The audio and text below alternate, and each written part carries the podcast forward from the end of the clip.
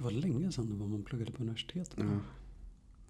Jag måste erkänna att jag inte saknar det. Jag blev ju inbjuden till en liten universitetsreunion i förra fredagen innan min födelsedag.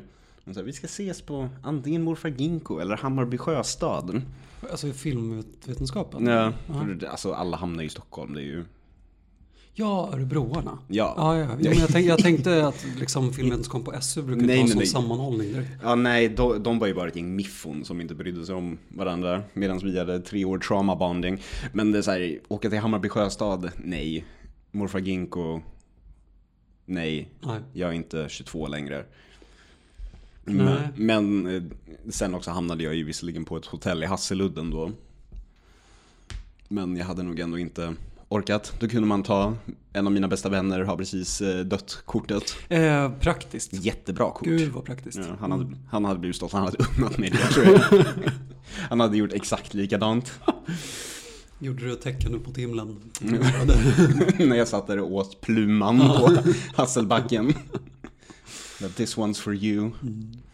For all my homies. Det vill jag verkligen. Jag hoppas att folk utnyttjar min död på bästa möjliga sätt. Ja gud, skoja inte. Jag kommer så här typ ta in på ett hotell med ett stulet kreditkort och Ja. sen då när de kommer upp när det blir declined för dag 14 så börjar Ragge är död! Ragge är död! Han är död! Tills de bara lämnar. Hör ni det alla som lyssnar? Det, det är fan fritt fram när jag dör. Ni får använda det på vilket sätt ni vill.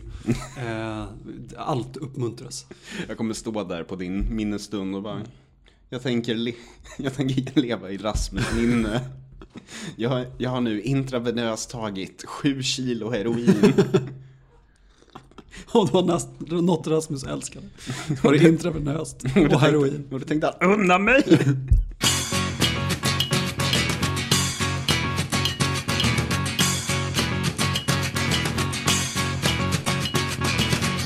Hej och välkomna till killgruppen. Hej allihopa! Har vi, har vi slutat säga hur många avsnitt vi har spelat in?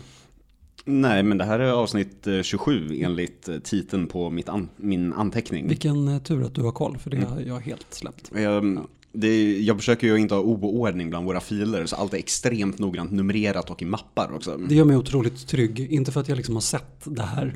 Men det känns bra att något i mitt liv är välorganiserat. jag fixar det här. Ja, Du, inget filkaos. Vad heter det? Jag, Rasmus, sitter här med Johan idag. Hej! Hur har du haft det sen sist Johan? Jo, jag har ju blivit 30 då. Stort. Ja, eller är det det? Jo men det är det väl? Ja. Alltså rent formellt är det väl? Ja. Det är, ju, formell storhet. det är ju, rent känslomässigt så tycker jag inte att det verkar vara så Nej. big. Nej, men jag fick ju lite av en då, för jag fyllde år på en måndag då eftersom God hates fags. Mm. Så då fick jag helgen innan liksom. Men, ja, men på fredagen där så blev jag överraskad med staycation på Hasselbacken med middag och jag låg och eh, läste medan min pojkvän kollade på Idol på ett hotellrum då. Sen på lördagen så blev det ju då eh, femrätters med två vänner. Mm. Och eh, jag fick bland annat en pizzasten. Och eh, rakgrejer för typ 2000 spänn. Fan vad nice. Mm. Sen fast eh, hemlagad carpaccio och fyra sorters ostron och dylikt. Det var starkt jävla snus ändå. Fan vad underbart det låter. Mm. Och så ankat i huvudet med smörstekta kantareller och lite sparris. Och, ja, ja, det var bra femrätters. Och så då avslut med milk bar pie med eh, hem... Säger man hemslungad glass? Kolaglass med... eh, Hemstött. hemharvad. Med eh, kolasmak och eh, chokladflarn i som jag hade stått och gjort. Det blev mitt bidrag till den femrätters eh, middagen blev helt enkelt desserten. Det låter för jävla gott. Ja, men det var trevligt. Och sen då på min faktiska födelsedag hade jag bara en önskan. Donken. Så det, då blev det McDonalds. Det är ändå jävla fint. Ja men McDonalds eh, tittar på Vikings. Gud vad mysigt. Gud vad fan, just det, för att jag har ju liksom velat försöka avdramatisera min 30-årsdag väldigt mycket. Undrar om jag också bara ska göra alltså, det så här mest budgetvänliga av alla mina saker jag gillar. Det vill säga gå på Hötorgshallen och, och gå omkring och äta grekburgare och titta på mat jag inte ska äta. Typ. Och så här, köpa något så här, väldigt specifikt artisanmjöl. Typ. Ja men kanske eller något sånt där. B- Bara gå omkring, prata lite med sydamerikanerna som faktiskt fortfarande hälsar till min styvpappa varje gång de ser mig. Fast det är typ tre generationer senare. Liksom. Men vad har du gjort sen sist då? Eh, nej men jag, eh, jag har faktiskt typ knappt liksom andats känns det som. Alltså jag har inte gjort så här jättemycket grejer. Men eh, jag har eh, jobbat som vanligt och sen så har jag haft, jag har ju skaffat katt. Ja. Det har varit Vad har ni bestämt för namn? Nico. Nico. Nico. Efter... Med K, eh, vilket jag inte vet riktigt varför jag kämpade för. Jag var så här, jo det ska vara med K. Eh, och jag undrar om det är efter, ham, efter Hammarby-spelaren Nikola Djurdjic kanske. Ja, mm. Fast, fast jag tror, alltså det var inte så jag tänkte. Men nu såg jag en artikel om honom och insåg att han, han kallades Niko med K. Ja, skämtade inte vi om lilla Tankovic innan du hade skaffat honom? Ja men precis, Mujo kunde han ha hetat. Sen ska kattnamn ska innehålla S har jag hört. Så han heter Groszinski efternamn. Han heter Niko Groszinski. Ja, men det är ändå, ändå strongt. Ja, det är strångt. Han Ja. kommer bli författare, det hör man. Ja men precis, han kommer genom en, när han fyller år så får han en liten, liten skrivmaskin Ja. och en liten, liten flaska whisky. Fan vad gulligt, ett par runda glasögon. Ett paket cigg. Och en eh, tweedkavaj. För han hatar redan kvinnor va, så Ja, ja, ja. ja, ja, ja bra. Gud. För då, då är han halvvägs där till den nästa generationsroman. Det är väldigt märkligt tycker jag att ha en killkatt. Eh, alltså jag tror aldrig att jag har haft ett man, mansdjur hemma förut. Förutom dig själv. Shit vilket aggressivt kön kuken är. Ja, det är det sannerligen. Bara sticker fram och är så röd och utåt och liksom. Alltså, Vi har ju aldrig ägt något annat än tikhundar, men då och då på ålderns höst har vi fått ta hand om så här gamla hanhundar. Och det är ju verkligen helt plötsligt, de sitter någonstans och flåsar och man tittar dit och helt plötsligt är det Red Rocket. ja, Och bara så här, exakt så är det. Han gillar att bita i den också. Och han vill att man ska vara med när han gör det. Liksom. han sig själv i kuken. Ja, hela tiden. Och goalsen då. Ja, det, är- ja, det, det är väldigt ovant alltså. Mm. Och väldigt in your face. eh, och eh, ja, han ska ju, ehm, eh, ja men han ska väl först få genomgå någon slags bar mitzvah I guess. Och sen så ska han ju, Är det inte en briss först? Det Sen kanske är det han sen försöker ska han med ju- att bita sig i kuken. sen ska han ju omskäras då. Ja. Med omskäras så menar jag att han, eh, han ska ju eh, kastreras. Ehm, och han... Bara, eh, kan ni ta lite av Va- Varför? Gör det bara. Är ni sjuka i huvudet? Antisemiter. Svar ja. eh, vad heter det? Han, eh, hans testiklar sitter dock fortfarande på insidan av kroppen. De har liksom inte trillat ner. Och då, hur liten är den här parven? Han är nu 15 veckor. Mm. Alltså han är bebis-bebis liksom. Ja, han är en liten skrutt. Mm. Eh, så att han, eh, det- och det kommer kosta mig pengar. Eh, så att jag kommer få ett sånt här förhållande till honom som en så sur pappa som kommer muttra om liksom alla pengar han har. Om inte hans testiklar. Så jag försöker liksom öva honom och Men han kanske har någon form bli man så att hans testiklar trillar ner och därför eh, så tjänar jag tusen spänn.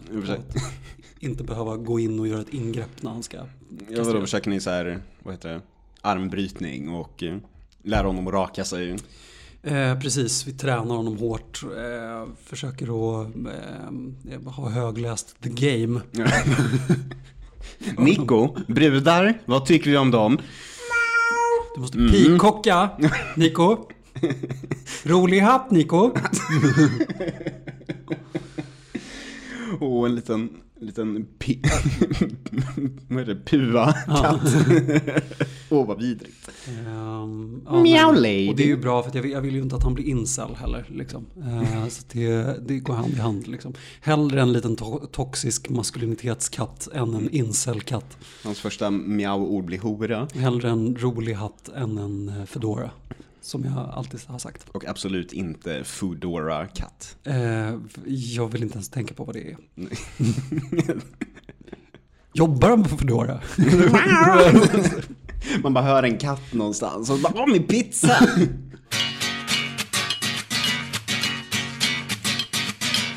Jag har ju haft lite av en följetong med alla mina prator under stora delar av sommaren. Och jag vet inte hur uppenbart det har varit, men mycket av det jag har gjort och diskuterat här i podden har ju handlat om samhällets problem med bögar. Och eh, det är ju då, har ju reflekterats väldigt mycket i hur vi har diskuterat eh, bland annat då porrdebatten här. Jag tog upp någon gång att eh, Rox ville förbjuda Onlyfans. Sen vet jag inte om vi tog upp någon form av Pride-debatt, men den dyker alltid upp varje år. Ja. Och kontentan av den brukar ju vara så här, de här snuskiga, hemska bögarna vill förstöra våra barn. Ja, men snusket skulle tas bort. Ja, så det är ju, ja men det går ju hårt, det går ju inte direkt på queer-teoretikerna som de icke-binära med glasögon. Nej. Utan det är ju de hemska, hemska homosarna som knullar i buskar. Just det. Så, Central Park-bögarna. ja men precis, eller Ku- Kungsträdgården, Pe- pettingarna. Det har ju varit rätt um, en enhetlig röst i alla de här debatterna jag nämnde också, det vill säga den svenska feministiska rösten. Skulle du hålla med? Mm. Ja, en, en viss falang inom den svenska feminismen i alla fall. Mm. Som har, har, har dykt upp.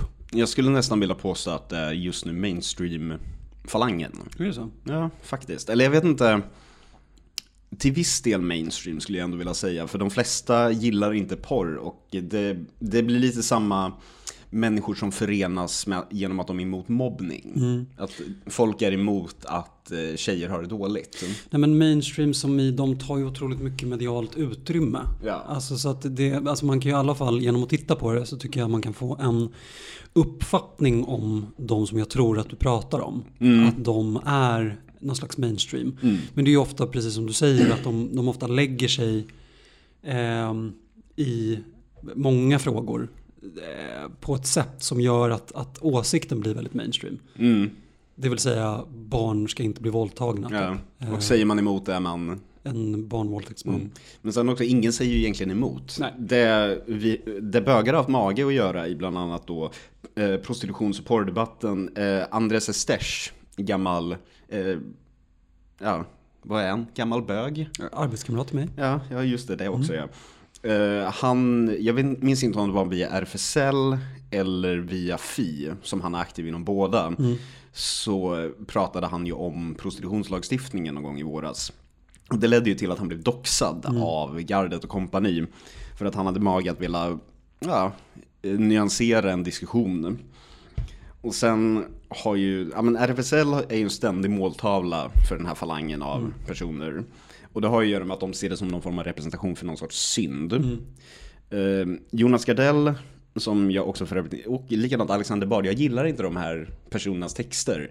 Men de blir alltid väldigt hårt attackerade. Jonas, eh, Alexander Bard blir det minst, blev typ så fem gånger per år skulle han bli cancelled av olika hashtags. Eh, Jonas Gardell också hade mage att eh, vilja nyansera metoo något år efter. Det var ju inte alls populärt. Nej. Det var motsatsen till populärt. Och när jag googlade om detta så dök det bland annat upp en grej jag hade glömt från 2013. När Jonas Gardell och Mark Levengood hade inom citationstecken sexskämtat om Danny Saucedo i Melodifestivalen. Oh. Eh, Och då sa bland annat en radio och tv-profil, du kan aldrig gissa vem. eh, Sexism är sexism, det finns inget kön eller ålder på det. De reflekterar säkert inte ens över att det är sexistiskt och de här killarna kanske tar illa upp. Killar förväntas ju alltid vara villiga och utstråla någon slags sexualitet. Vintage Cissi Wallin. Ja, verkligen. Ja. Och sen då, från samma år hittade jag också när hon eh, drog parallell mellan bögar och obegripligt usel musiksmak. Och det har hon ju rätt i. Eh, ja, jag, jag har alltid varit chockad över, eh, men alltså det är ju för att jag var helt eh, oförmögen att ta in begreppet camp innan jag började umgås med bögar. Ja, Jag förstod ju inte grejen med dålig musiksmak. eh, du fattade inte storheten med Blümchen. nej men jag fattade inte grejen med att det finns liksom en det finns ett steg till på trappan eh, där, där campen bor. Ja. Jag tänkte att det finns bra och dåligt, punkt. Men har ju inte du fått eh, läsa den Susan Sontag-essän om campen? Jo. Ja, den sätter ju fingret på det så att Jo. säga. Ja, och sen då under sommaren så, som vi har tagit upp tidigare i podden så eh, uppmanade Unni Droge en bög och sexolog. Den här sexologen har för övrigt också en av mina bögböcker. Som jag aldrig kommer få tillbaka. Men det är okej för den, jag tror inte jag skulle gilla den nu. Nej. Eh, Men hon, hon ville ju att han skulle själv få en dildo nedkörd i strupen tills han eh, vill spy. Eh, så ni drog i det. Ja, Ja. och det jag vet om den här personen är att han förmodligen redan har gjort det, högst frivilligt. Ja. Medan han trippelfistades på någon form av kallbadhus. I guess. Ja, för det är sådana vi är. Vi, Som, som man gör. Ja men sen, man, gillar ju, man gillar ju en good time. Och varför inte då vara en muppedocka till någon? Till tre olika personer. Ja, Som, som man inte känner. Ja. Och det tar ju då... Man vill vara liksom en docka som folk tävlar om att få använda. En sån handdocka. Eh, och då återkommer vi till någonting vi också har tagit upp, det vill säga att bögsex används hela tiden som en bestraffning inom den feministiska diskursen. De vill inte utsätta sina heteromän för Ja, vad ska vi ta? Vad finns det för heterosexuella sexuella bestraffningar? Eh, gagging brukar väl tas upp eh, Ja. väldigt mycket. Och eh, smisk. Gud, det är så vanilj. Det är så otroligt tråkigt. Alltså, då blir ju, det blir ju lite, finns ju lite mer svung då i att vilja så här, typ, utsätta någon för rövsex utan glidmedel liksom. Jag förstår varför de använder det, men det är också så här, inte så passande kanske. Nej. Det är lite, jag vet inte, det är väl lite kärnan också. Nej, men du menar att, att, eh, att sex som, som eh, i en viss kultur eh, får tillåtelse att ses som njutbart har inte tillåtelse att framställa så i en straight kultur. Ja. Ja. ja. Ja, ni får ju knappt hålla handen Nej, längre. nej. Det, man får inte göra någonting längre i det här, po- här post-metoo-samhället. Och det sätter ju egentligen, just när man pratar om bögsex som bestraffning, det, ju, det går egentligen till kärnan på det här problemet. Det vill säga att bögar alltid får representera någon form av synd. Mm. Och det, vi har ju alltid varit synden. Vi har liksom varit Dionysos kulten som så här, ständigt i det fördolda har knullat i bastus och i buskar och Lyssnat på dålig musik medan ni har gjort det. Ja, så här, riktigt på ro- romartiden var det riktigt keff lutmusik. det, ja. Och sen då under den sexuella frigörelsen då på 60-talet, som jag skulle vilja påstå att feminister var rätt drivande i den. För det handlade ju om att frigöra all form av sexualitet, fri kärlek. Absolut, och det gick väl ganska mycket hand i hand också med kvinnorättsrörelsen känns det som. Precis. Eh, Men vilka var det då som fick ta de negativa konsekvenserna av den sexuella frigörelsen på 60-talet under 80-talet? Det var bögarna. Ja. För vi dog av aids. Och det är väl också någon form av piksynd. Men då i den moderna feministiska kontexten, där väldigt mycket handlar om att återuppfinna puritanismen, göra, den, göra det rumsrent med ett förbudssamhälle. Då blir det ju att bögar har inte riktigt plats i den världsbilden. Nej men jag tycker också att, alltså, jag tycker att det är så konstigt i, i väldigt många lägen, alltså just för att de gör den här distinktionen. Eh, för, för de pratar ju aldrig om gays. Nej. Vilket man i sig också skulle kunna se som en väldigt märklig grej. Alltså att den är otroligt eh, cis-centrisk den här, den här Hetero, heterocentrisk. heterocentrisk. ja, eh, den här porrdebatten. Mm. Ehm, att, att den liksom aldrig, den, den har liksom aldrig ens rört vid, eller vågat röra Nej. vid någon form av, av eh, vad heter det, queer Mm. eh, idé. Eh, för att ehm, eh, Ja, det, det leder br- rätt bra in på en segway här med ett citat. Ja. Som eh, Camille Paglia skrev i sin bok, vad heter? Inte essäbok, men sin bok Vamps and Tramps 1994. Att feminist anti-porn discourse virtually always ignores the gigantic gay male porn industry, since any mention of the latter would bring crashing to the ground the absurd argument that pornography is by definition the subordination of women. Det... Ja, som sagt, det finns ingen plats i den världsbilden som försöker föras fram för bögar, förutom då när vi ska vara förtryckare. Då passar det jävligt bra att doxa oss för att vi kanske säger, tycker att man, allting med prostitution inte är svartvitt eller något, I don't know. Jag tänker inte prata om mina egna ställningstaganden Nej. kring prostitution här i porren. Eh, Men det brukar ju också tas upp titt som tätt att till exempel drag queens skulle vara någon form av kvinnohat. Att det är någon form av, vad ska man säga, en parodi. Och det är väl till viss del sant. Men det vi- visar ju ändå på bögtraditionen att dyrka kvinnor på olika sätt. Vi ser de här två och en halv meter långa med jättepattar och bara Yes, Queen Slay. Men det är ju då fel sätt enligt den här formen av aktivistiskt etablissemang. Mm. Jag har verkligen ingen koll på kritiken som har kommit mot, mot den dragkulturen. Faktiskt. Jo, eh, dra att drag påvisar att bögar också hatar kvinnor. Ja, okay. Men det blir egentligen också väldigt kul för Tekniskt sett så, om man ser världen som, där all, att allting är en sexuell marknad i grund och botten, så är bögarna de enda som inte är swayed av kvinnor på något vis. Mm. Så då är frågan, de här hårda attackerna från det etablissemanget, handlar det om att vi är de enda som, de, som existerar utanför det, vad ska man säga, sexuella paradigmet där mm. kvinnorna är de som håller i den sexuella batongen. Ja men lite så, eller de tycker att ni förlorar ert mandat då på något sätt.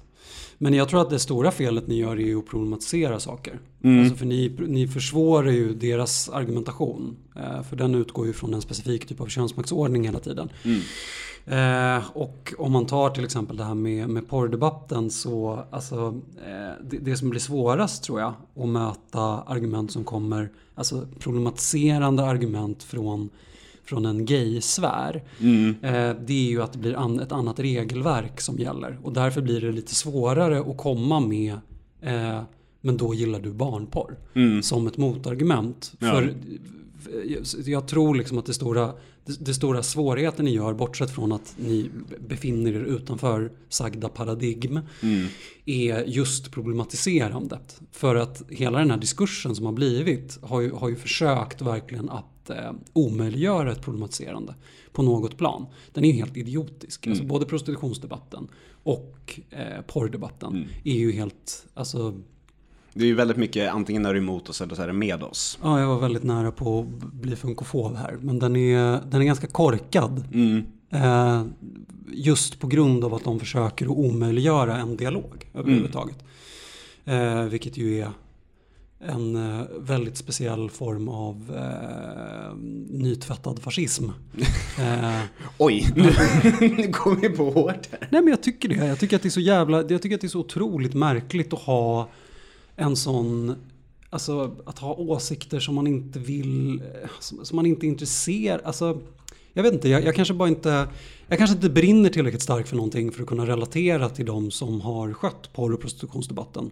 Mm. Uh, jag har ja, inte den personliga leveragen i någonting som gör att jag liksom Gud vad det låter som att jag har höga tankar om mig själv men där jag Alltså skulle kunna bli så korkad att det inte spelar någon som helst roll vad någon säger. Utan det enda som spelar någon roll är att jag får min vilja igenom. Mm. Eh, jag, tycker det är, jag tycker det är väldigt...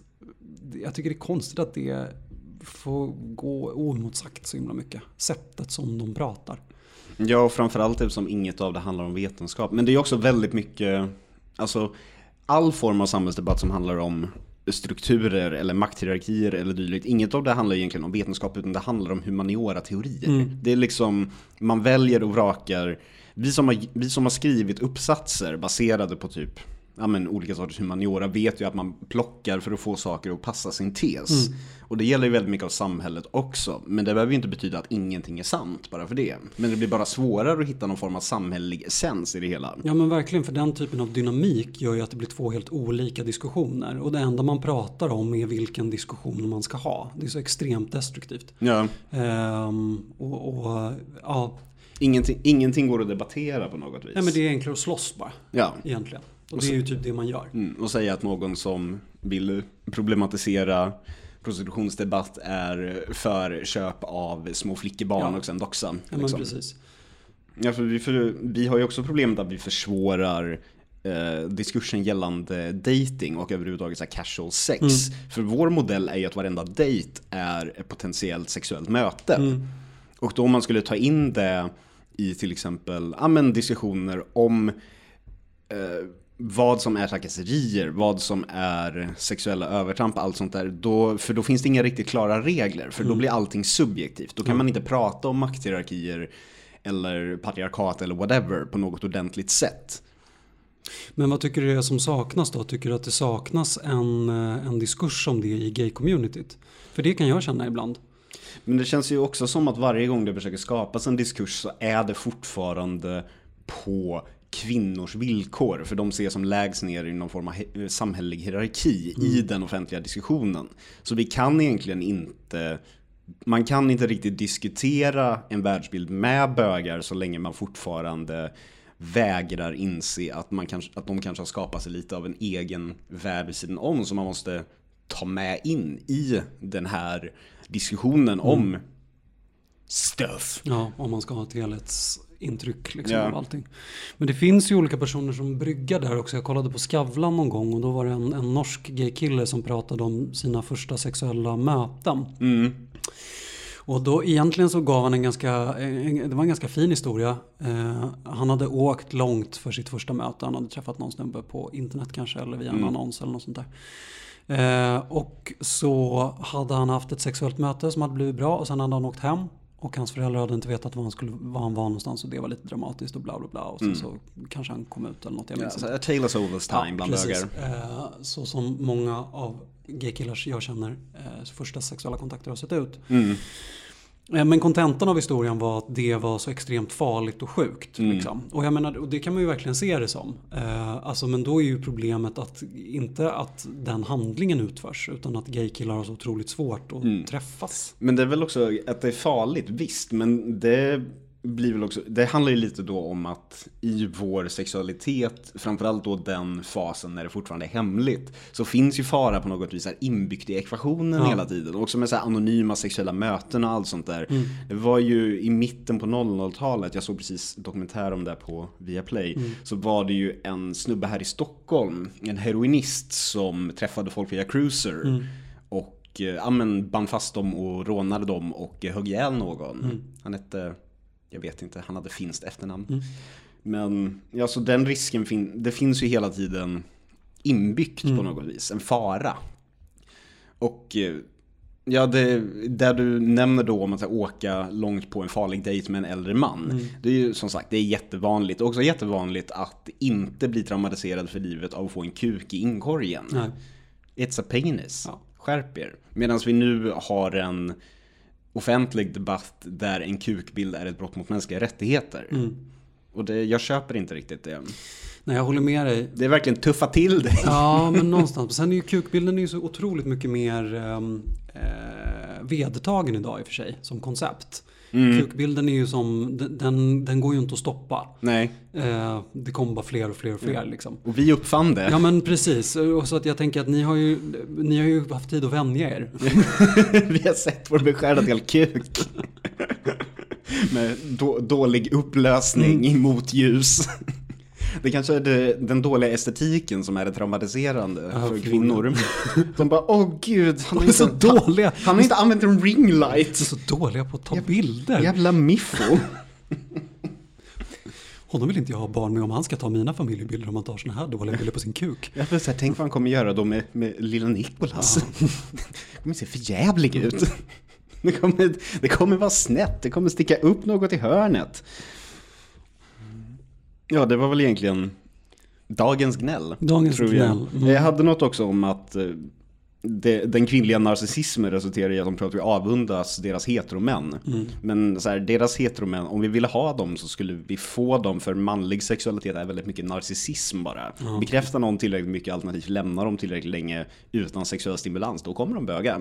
It's science. Men vad tror du är problemet som de gör då? Släpper de in er för lite eller släpper de in er för mycket? Alltså är det två helt olika diskussioner som bör has? Eh, och problemet är att de försöker dra liksom alldeles för stora juridiska ringar. Eh, vilket gör att ni inkluderas inom den cirkeln. Jag tror att det kan vara lite problemet Mm. faktiskt. Men då blir det ju att vi hela tiden ska då inkluderas som, eh, för, jag har ju pratat om det förut, att vi hela tiden pratas om som förövare, gärna på grund av att vi passar in i den eh, moderna feministiska, vad ska man säga, eh, dogmen gällande ett patriarkat, PGA män, bara det att vi är inte de här männen de försöker demonisera, men samtidigt så försöker de hela tiden skjuta in oss i det här, bara så här, ni är precis som de här eh, laddsnortande männen som tar på oss på dansgolv. Mm. Ja, ja. Men det är vi inte riktigt tror jag. Nej, jag tror inte det heller.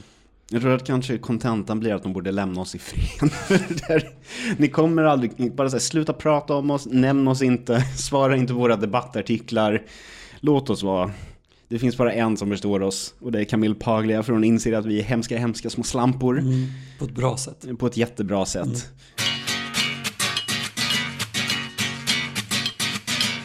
Att jag ens är här Johan är ju liksom helt sjukt. Jag har ju en bebis hemma. ja. Jag har inte hunnit tänka på någonting. Fattar du väl? Jag är ju liksom ny förälder. Som jag sa förra veckan så är ju liksom hela den här grejen med, med katt något av ett, av ett eh, experiment. Mm. För att vi ska kunna, ja men om man hårdrar det lite, eh, ta ett beslut bara. Alltså få igång någon form av paradigmskifte eller för mig i alla fall, som gör mig lite vuxen. Mm. Att jag slutar skjuta upp alla stora beslut och bara jobbar på jobb som jag egentligen inte tycker om och bara liksom gungar ner längs strömmen scrollandes i en telefon eh, där tiden bara försvinner. Eh, utan eh, faktiskt eh, försöker att ta lite kontrollen över mitt liv mm. genom att liksom provocera fram lite förändring. Mm. Eh, hur har då detta experiment gått? Ja, hur har det gått? Eh, vecka ett. Jo, herregud. Vilka dåliga föräldrar vi kommer bli. Åh, oh, herregud. Vad våra barn kommer behöva gå i terapi. Det är så himla bra att vi skaffar katt först. Eh, för att han är så himla himla förlåtande. Eh, på den vecka jag haft honom så verkar det inte alls som att han behöver terapi. Men han kommer inte skriva en generationsroman om hur hemska föräldrar ni var? Jag tror inte det. Eh, vi kommer uppmuntra honom att göra det också och liksom därför eh, lite friskriva oss på något sätt. Mm. Eh, motsatsen till Gone Girl-föräldrarna som skriver böcker om sina barn och därför skapar seriemördare.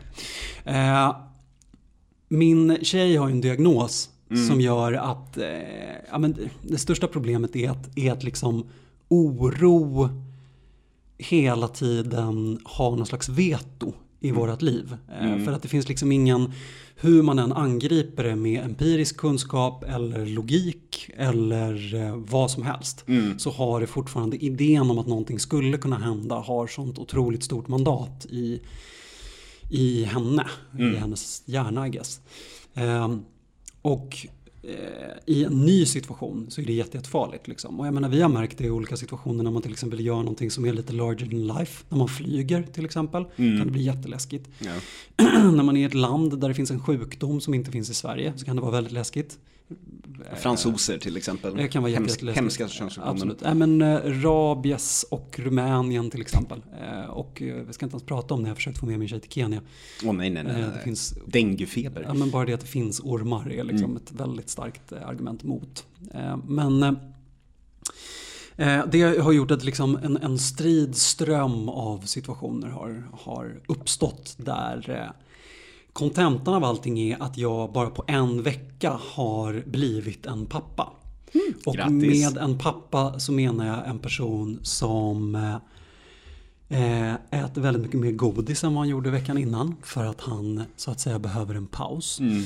Eh, som behandlar alla situationer med att ignorera att det eventuellt skulle kunna finnas ett problem.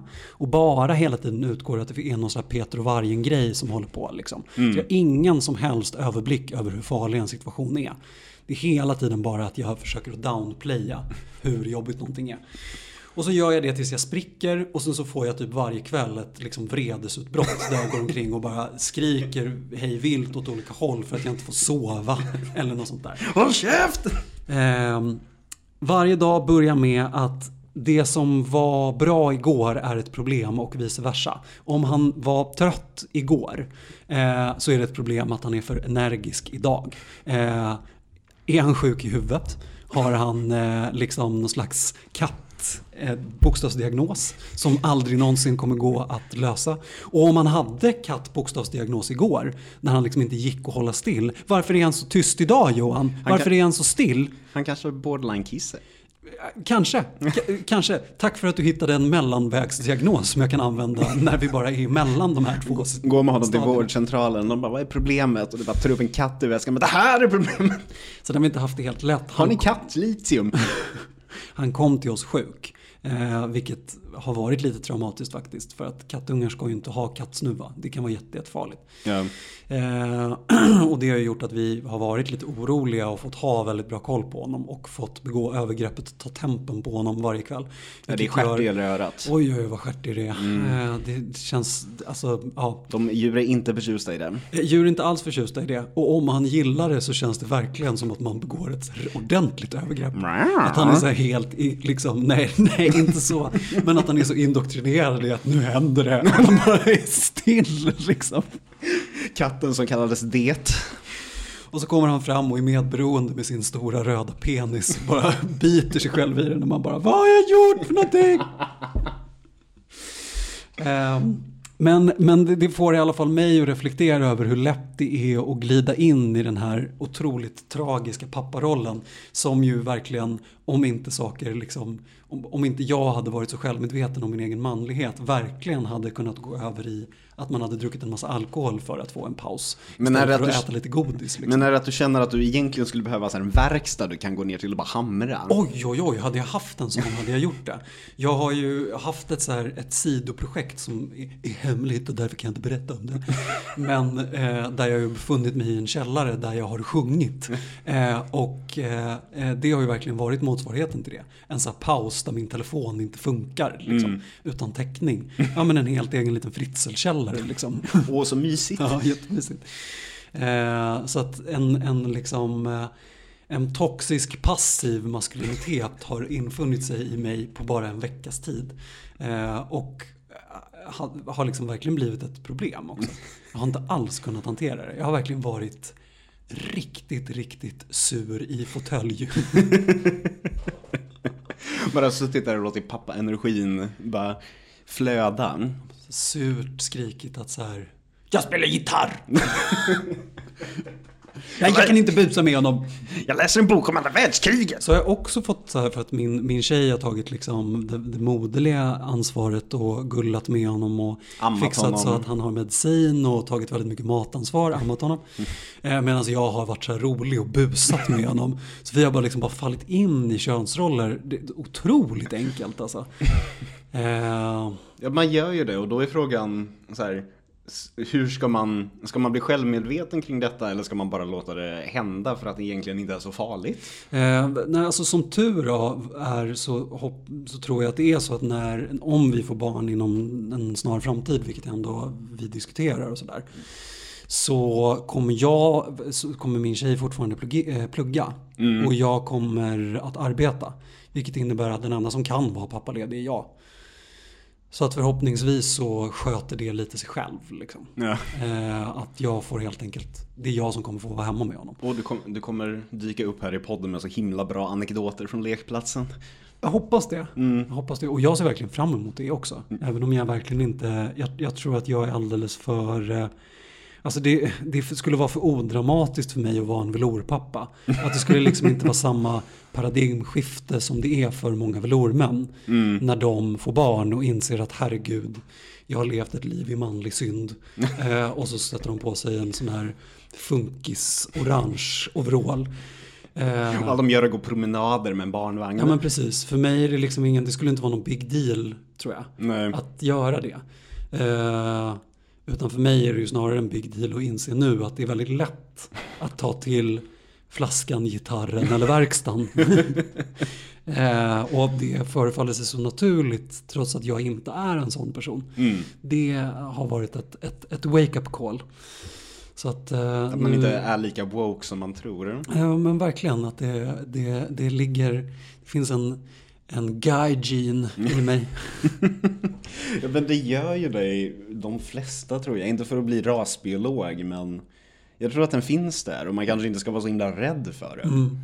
Det är ju så med väldigt mycket när det kommer till hur vår generation och framförallt vi inom så här, vänster-söderkretsar, hur vi har, vi har sett på allting som kan kopplas med någon form av binära könsroller som något lite så halvdåligt. Så vår default är att när vi kommer i kontakt med sånt inom oss själva så blir vi lite så här, lite så här göra uppror. Ja men precis. Men det är, så här, det är inte så jävla farligt. För man måste inte hela tiden tänka normkritiskt gällande allting man gör. För då blir det bara jobbigt. Nej men det håller jag verkligen med dig om. Samtidigt som det också blir så här, ja men för min default den här veckan har ju verkligen varit gubbpappa. Eh, och det, så vill man ju verkligen inte ha det. Och det var skrämmande hur, hur, hur nära den defaulten fanns. Det enda som behövdes var en fucking katt. En rysk liten katt. En rysk liten, liten författarkatt. Liksom. Eh, Så att jag, jag tror ändå att jag, jag ska nog anamma kampen lite. Eh, Men, men måste ju bredda kampen så att jag inte blir en obehaglig velourperson också. Ja, det är kanske inte könsneutral kattuppfostran. Så att jag kommer helt enkelt bara bli en väldigt odräglig person när jag får barn som gör både liksom kamp mot patriarkatet och kamp mot velour-antipatriarkatet. Luktar sandelträ men har rosa strumpor. Gud vad fint. Ja, där har vi det. Ja, ja, jag, får, jag, får hitta, jag får hitta in i min väg. Jag tror helt enkelt bara inte att jag ska umgås med folk. Nej, du kommer umgås med din bebis. Är det mitt liv? That's the shit. Dyker upp här en gång i veckan med en bärsjal. Åh vad mysigt, jag vill Ja. också bli buren i en Ja, bärsjal. gud, det ser jag fram emot faktiskt. Det är som så här, jag tänker att föräldraskapet för barn känns väldigt mycket som en björkvideo. Det vill säga att det är väldigt så vaginalt och man bara är så här trygg och varm. Mm, verkligen, verkligen. Och alltid lite weird. Ja. lite, ro lite, lite rosa, lite trasigt, lite mysigt. Ja, I, I like it. Ja. Rätt upp i vaginan.